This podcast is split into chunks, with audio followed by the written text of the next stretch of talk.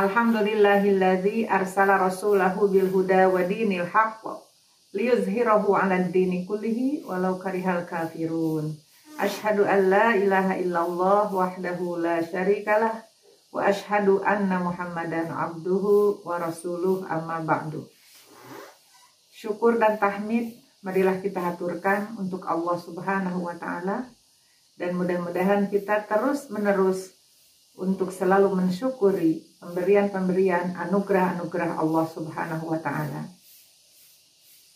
Dan pada hari ini kita akan terus berkomitmen untuk menjadi ahlul Quran, mengkaji, memahami, mengamalkan Al-Quran untuk kehidupan kita sehari-hari.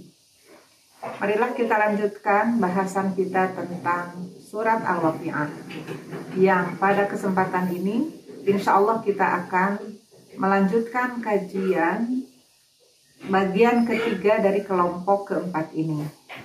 Yang kemarin sudah dibahas dua bagian yang e, lainnya dan hari ini kita akan membahas bagian yang ketiga dari kelompok keempat ini atau bagian yang terakhir. E, di bagian yang ke satu dan kedua ini untuk menyambungkan pembahasan bahwa yang pertama adalah membahas tentang balasan ahli neraka, yakni mendapatkan tempat tinggal, minuman, dan makanan yang jelek, yang buruk. Kemudian bagian kedua menjelaskan sebab-sebab mengapa mereka menjadi penghuni neraka yang begitu mengerikan dan begitu menyakitkan. Maka pada kelompok ini akan ada pembahasan uh, yang pada dasarnya menguatkan pada bagian pertama, yakni masih berkisar tentang balasan bagi ahli neraka, balasan lainnya dari bagi ahli neraka. Yang terrangkum uh, dalam ayat 51 sampai 56. Marilah kita baca dulu. A'udzu billahi. ثم إنكم أيها الضالون المكذبون. لآكلون من شجر من زقوم. فمالئون منها البطون. فشاربون عليه من الحميم. فشاربون شرب الهيم. Hadza nuzuluhum yaumaddin. Thumma innakum ayyuhadhdallunal mukadzibun. Kemudian sesungguhnya kalian wahai orang-orang yang sesat dan orang-orang yang mendustakan, orang-orang yang sesat yang mendustakan.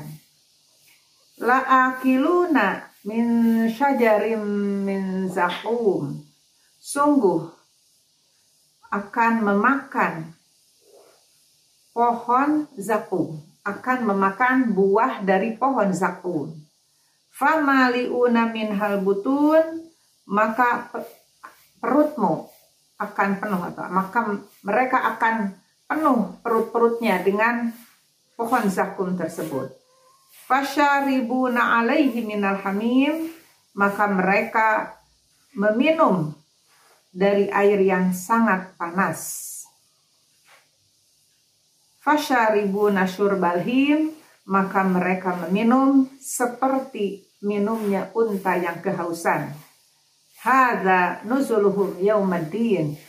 Inilah hidangan mereka pada hari pembalasan enam ayat ini menjelaskan tentang balasan lainnya yang diterima oleh ahli neraka pada dasarnya tidak jauh berbeda dengan yang sudah dibahas di bagian yang pertama bahwa mereka akan diberi hidangan akan disediakan makanan yang khusus bagi ahli neraka, yaitu makanan yang bernama zakum.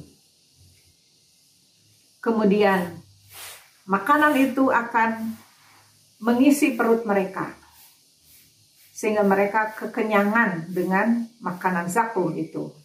Lalu mereka akan minum dengan air yang sangat panas dan mereka sangat haus atau sangat dahaga sehingga mereka minumnya seperti unta yang kehausan. Jadi pada kesimpulan ayat ini mereka difasilitasi dengan makanan yang bernama zakum, kemudian air yang panas. Ditambah bahwa mereka selalu merasa dahaga dan lapar. Itu adalah balasan-balasan e, siksaan-siksaan yang akan diterima oleh ahli neraka atau ashabus simal, ashabus shimal.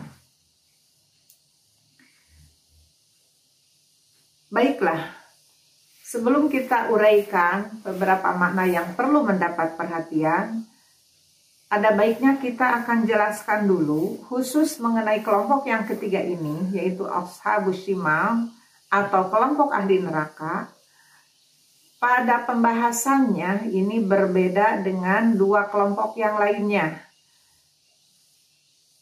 di mana di kelompok ini ketika menjelaskan balasan-balasan yang jelek atau siksaan-siksaan yang disampaikan disertai dengan sebab-sebab mengapa mereka e, mendapatkan balasan seperti itu. Sementara di kelompok yang lain, ahli surga tidak menyebutkan alasan-alasan.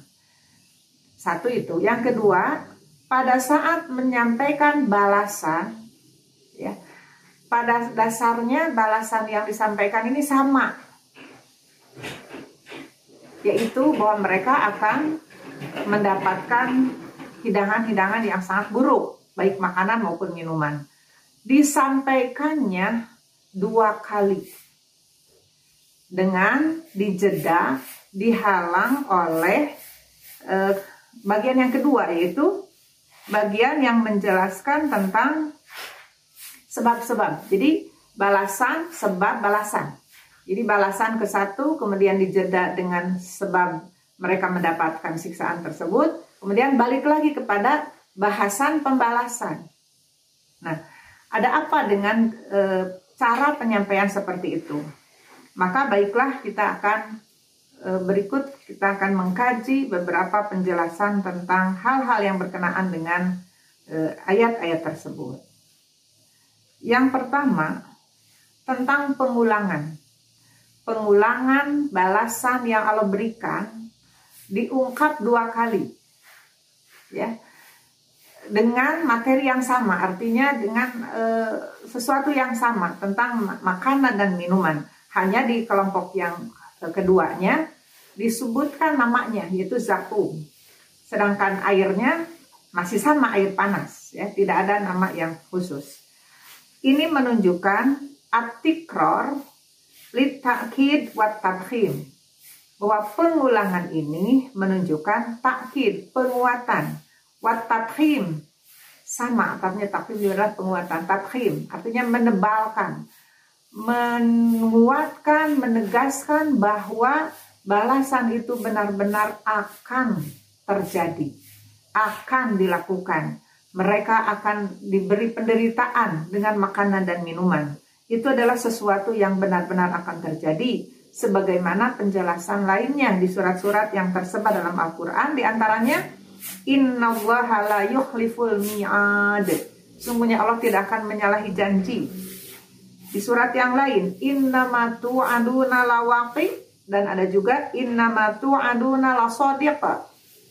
Apa yang dijanjikan akan terjadi. Apa yang dijanjikan benar adanya.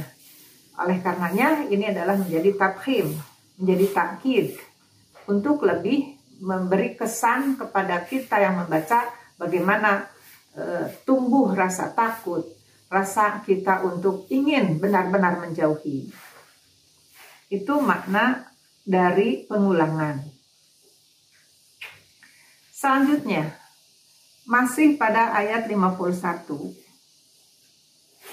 Ayat 51 ada penggunaan domir pada lafad innakum. Summa innakum. Kemudian sesungguhnya kalian. Nah, pada penggunaan domir di sini terjadi iltifat. Iltifat adalah memalingkan.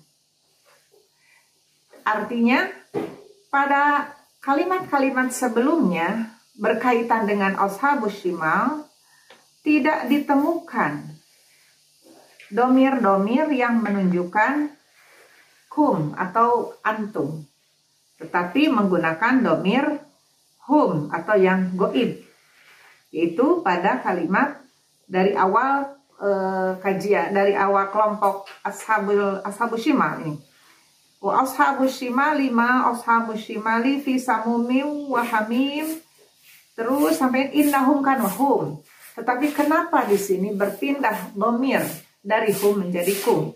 Dari goib ke mukhotob. Itu dinamakan iltifat. Nah, eh, perubahan domir ini tadi juga di eh, apa di dijeda dengan bagian yang keduanya yaitu bagian yang berbeda temanya. Ada apa dengan per gantian atau perubahan domir ini. Ya, ketika kita menggunakan e, men, mendengarkan pembahasan atau ayat-ayat ini dengan menggunakan domir hu, seolah-olah yang diceritakan adalah orang ketiga, artinya orang-orang penghuni e, neraka. Maka ketika ini dirubah domirnya menjadi domir mukhotob, summa innakum ayuha, apalagi ditambah ayuha. Ayuha ini adalah e, huruf untuk memanggil ayuha wahai berarti ini adalah domir mukhotob artinya yang diajak bicaranya ada di depan dan tidak lain adalah eh, siapa yang dimaksud dengan domir kum pada domir hum di sebelumnya adalah menunjuk kepada sama-sama mereka ahli neraka tapi seolah mereka ahli neraka itu adalah orang yang di luar sana tetapi ketika diubah ke domir mukhotob maka yang diajak bicara adalah kita umumnya dan khususnya berkaitan dengan ayat ini yang dimaksud dengan kum adalah kafir Makkah. Ya.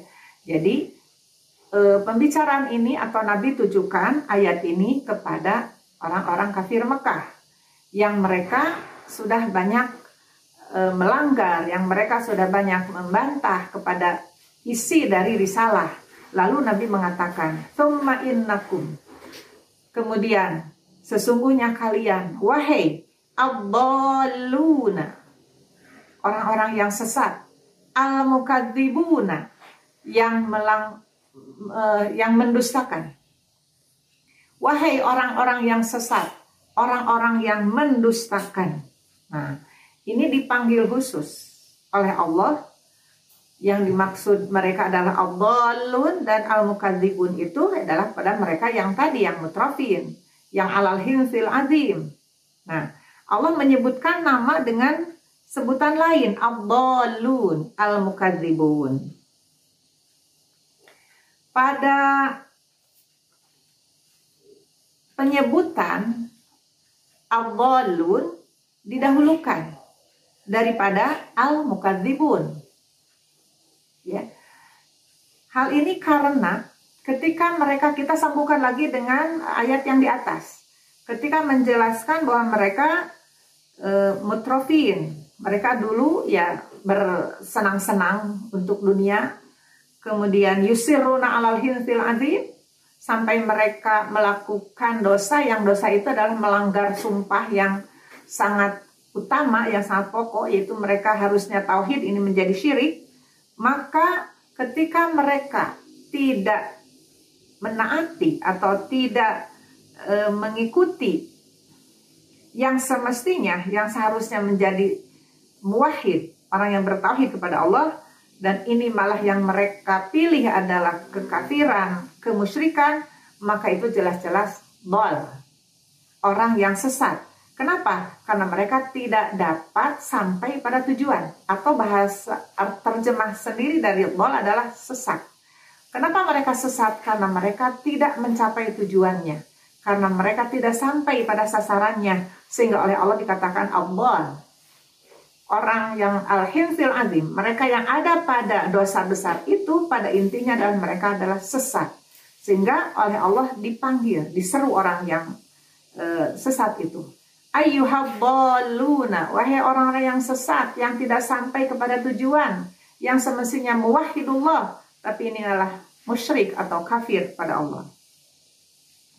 Kemudian yang berikutnya adalah al-mukadzibun. Kenapa al-mukadzibun disimpan di urutannya sesudahnya? Ini untuk menjelaskan bahwa al-lun adalah semacam akibat gitu ya. Akibat yang dihasilkan karena mereka melakukan yang sebelumnya dari mutrafin kemudian ala alal hinsil azim maka akibatnya mereka dol. Maka al-mukadzibun adalah sebagai sebabnya. Apa yang menyebabkan mereka dol? Karena mereka mukadzibun, karena mereka mendustakan, karena mereka enggan untuk menaati, mengikuti apa yang disampaikan oleh e, Rasulullah. Maka pengurutannya seperti itu. Ayyuhabbalunal mukadzibun. Yang tidak lain adalah mereka ahli neraka. Mereka adalah ashabus shimal. Ayat 51 ini ya baru e, seakan ya memanggil gitu, baru hanya e, bentuk menyapanya Allah kepada mereka. Nah, untuk apa mereka disapa? Ya, tentu ada tujuan. Kenapa Allah sampai menyapa untuk menyampaikan sesuatu atau untuk e, menggambarkan apa yang akan terjadi dengan mereka sampai disebut namanya ini saking Allah ingin bahwa penyebutan nama ini harus benar-benar memberi kesan kepada kita bahwa orang yang seperti digambarkan dalam Ashabus Shimal ini benar-benar dalam keadaan Allah, benar-benar dalam keadaan mukadzib. Apa yang ingin disampaikan ketika Allah memanggil-manggil mereka dengan Allah, Lun dan Al-Mukadzibun? Allah hanya ingin menyampaikan yang ini yang menjadi tabhim, yang menjadi penguat itu la'akiluna. Apalagi ini ditambah la taukid la. Sungguh kalian akan menjadi pemakan. Akilun isim fa'il. Nah, ketika diungkapkan dengan isim, maka itu lil istimror. Menunjukkan sesuatu yang terus menerus, yang menjadi habit, yang menjadi kebiasaan La akiluna, sungguh benar-benar kalian ini akan menjadi pemakan. Artinya terus menerus memakan. Apa yang dimakan? Min syajarim min zakum. Yaitu makanan yang berasal dari pohon zakum. Hanya untuk menyampaikan itu Allah memanggil-manggil mereka dengan sebutan Allahun al-mukadzibun. Lalu bagaimana itu makanan ketika mereka memakannya? Famaliuna min hal butun. Maka ketika mereka memakan buah zakum tersebut sampai penuh, sampai perut mereka buncit. Famaliuna min hal butun. Apa sih yang disebut pohon zakum itu dan seperti apa pohon zakum itu banyak penjelasan-penjelasan tentang zakum menurut para mufasir tapi alangkah baiknya kita rujuk ayat Al-Quran yang membahas tentang zakum dan insya Allah di sini kita akan mendapatkan penjelasan yang lebih detail tentang zakum. Berkaitan dengan zakum, ada e, dua surat yang lain yang menjelaskan yaitu di surat Ad-Dukhan dan di surat As-Saffat. Di surat Ad-Dukhan ayat 43. Seperti apa pohon zakum itu? Inna syajarata zakum sesungguhnya pohon zakum itu to'amul athimi adalah makanan untuk orang-orang yang berbuat dosa. Jadi makanan yang khusus Allah sediakan untuk orang-orang yang senantiasa berbuat dosa. Kalmuhli, makanan zakum tersebut seperti cairan tembaga yang fil butun yang mendidih di dalam perut. Jadi ketika dimakannya mungkin tidak berupa cairan, berupa pohon, berupa buah. Tapi ketika dimakan itu akan meleleh, mendidih ya di dalam perut.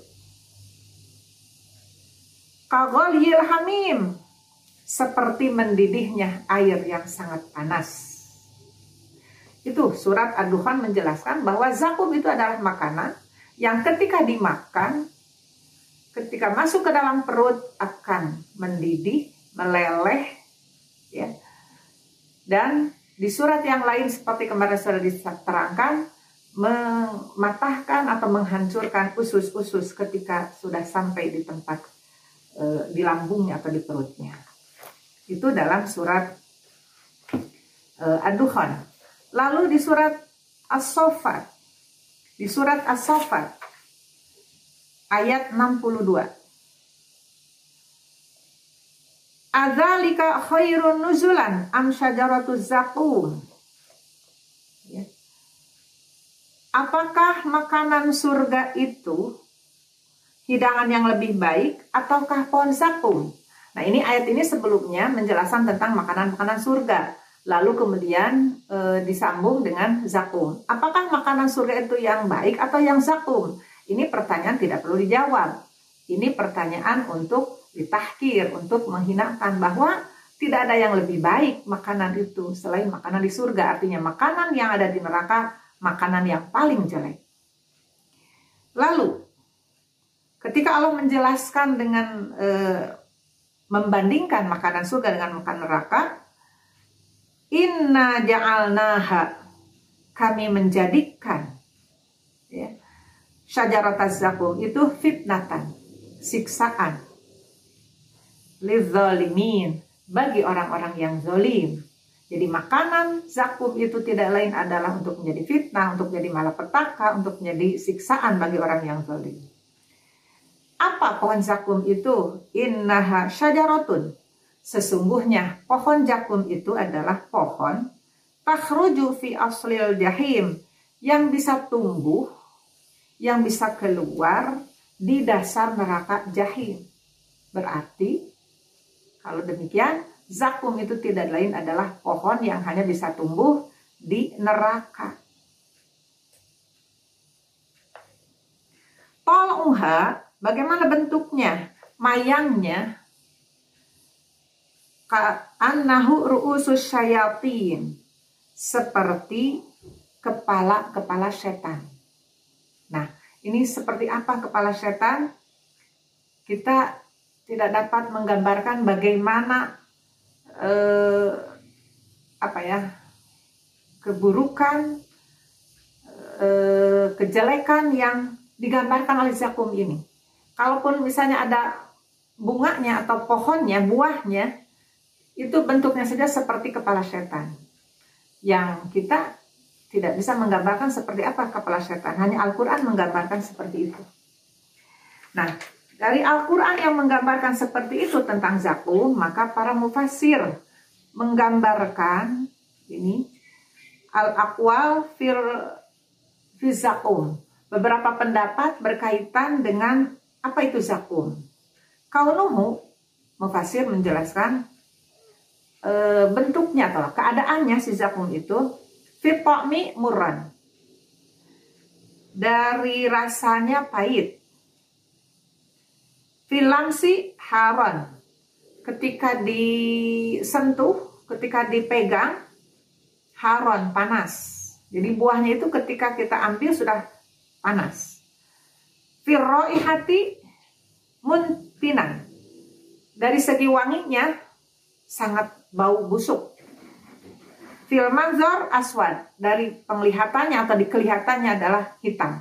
Jadi buah itu bentuknya ini penjelasan dari Syekh Ar-Razi ya bahwa zakum itu rasanya pahit ketika dipegang panas baunya sangat busuk, kemudian warnanya hitam pekat.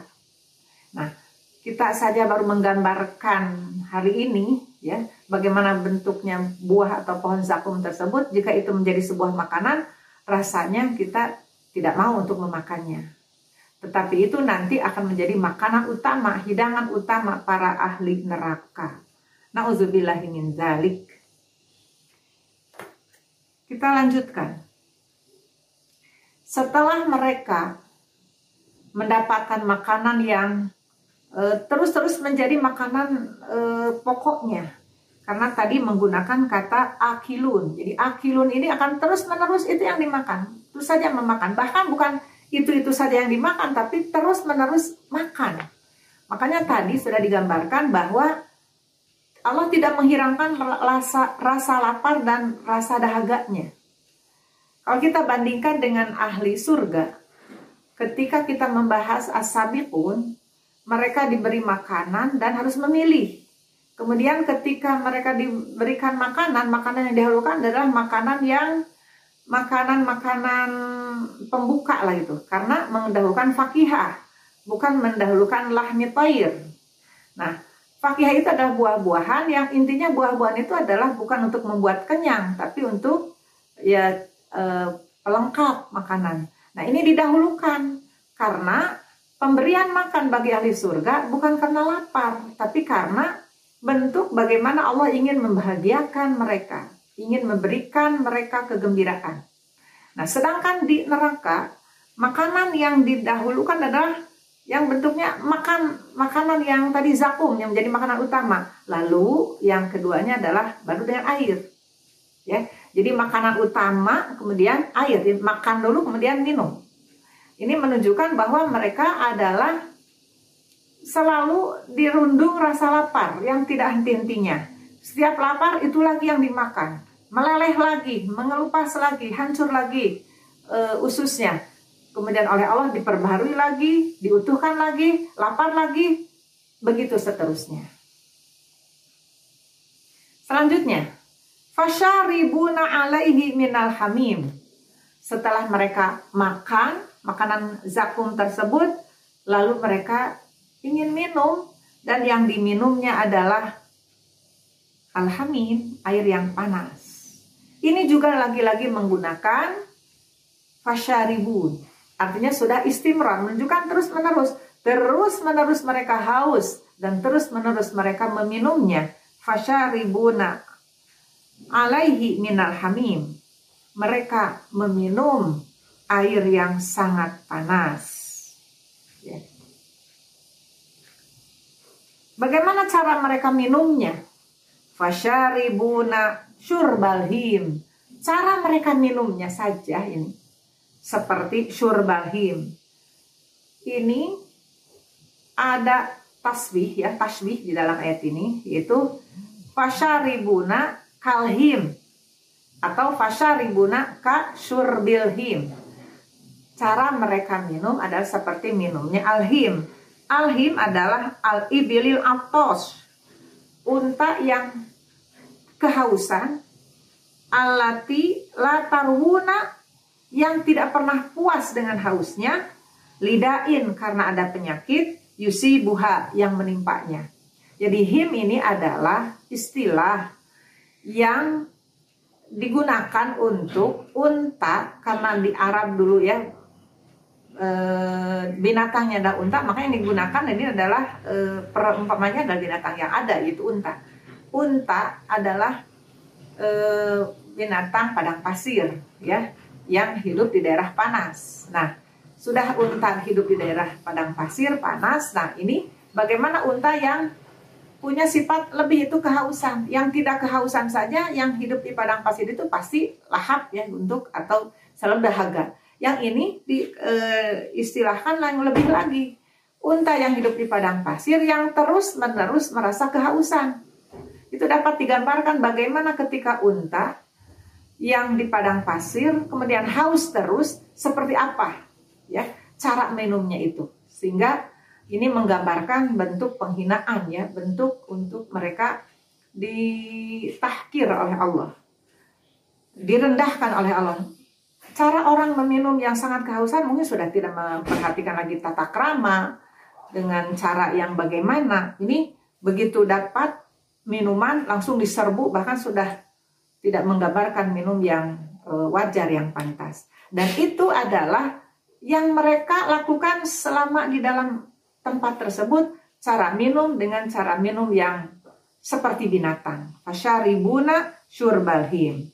Hadza nuzuluhum yaumaddin. Itu adalah uh, hidangan yang mereka dapatkan pada hari pembalasan atau pada hari kiamat. Uh, ayat ini men, me, apa, menyempurnakan atau ayat ini menjadi penutup bahwa seperti itulah hidangan yang oleh Allah sudah disediakan untuk para ahli neraka. Maka dengan eh, keenam ayat yang terakhir ini semakin lengkaplah, semakin jelaslah bagaimana balasan-balasan yang Allah terima untuk para ahli neraka. Dan di ayat ini menggambarkan lebih ngeri lagi ya, lebih parah lagi tentang e, cara mereka makan dan bagaimana mereka makan. Mudah-mudahan ayat ini menjadikan peringatan pada kita untuk senantiasa kita menghindarkan diri dari kemaksiatan-kemaksiatan yang akan membuahkan eh, amalan-amalan yang jelek yang menjadikan kita mengantarkan kita kepada ahli neraka dan selalu kita termotivasi untuk mendapatkan eh, surganya Allah Subhanahu wa taala. Amin ya Allah ya rabbal alamin. Demikianlah kajian eh, surat ini ya yang bagian ketiga dan ini bagian yang terakhir ya dari kelompok ini dan mudah-mudahan bermanfaat bagi kita semua. Amin. Aku qauli hadza wa astaghfirullah li wa lakum. Wassalamualaikum warahmatullahi wabarakatuh.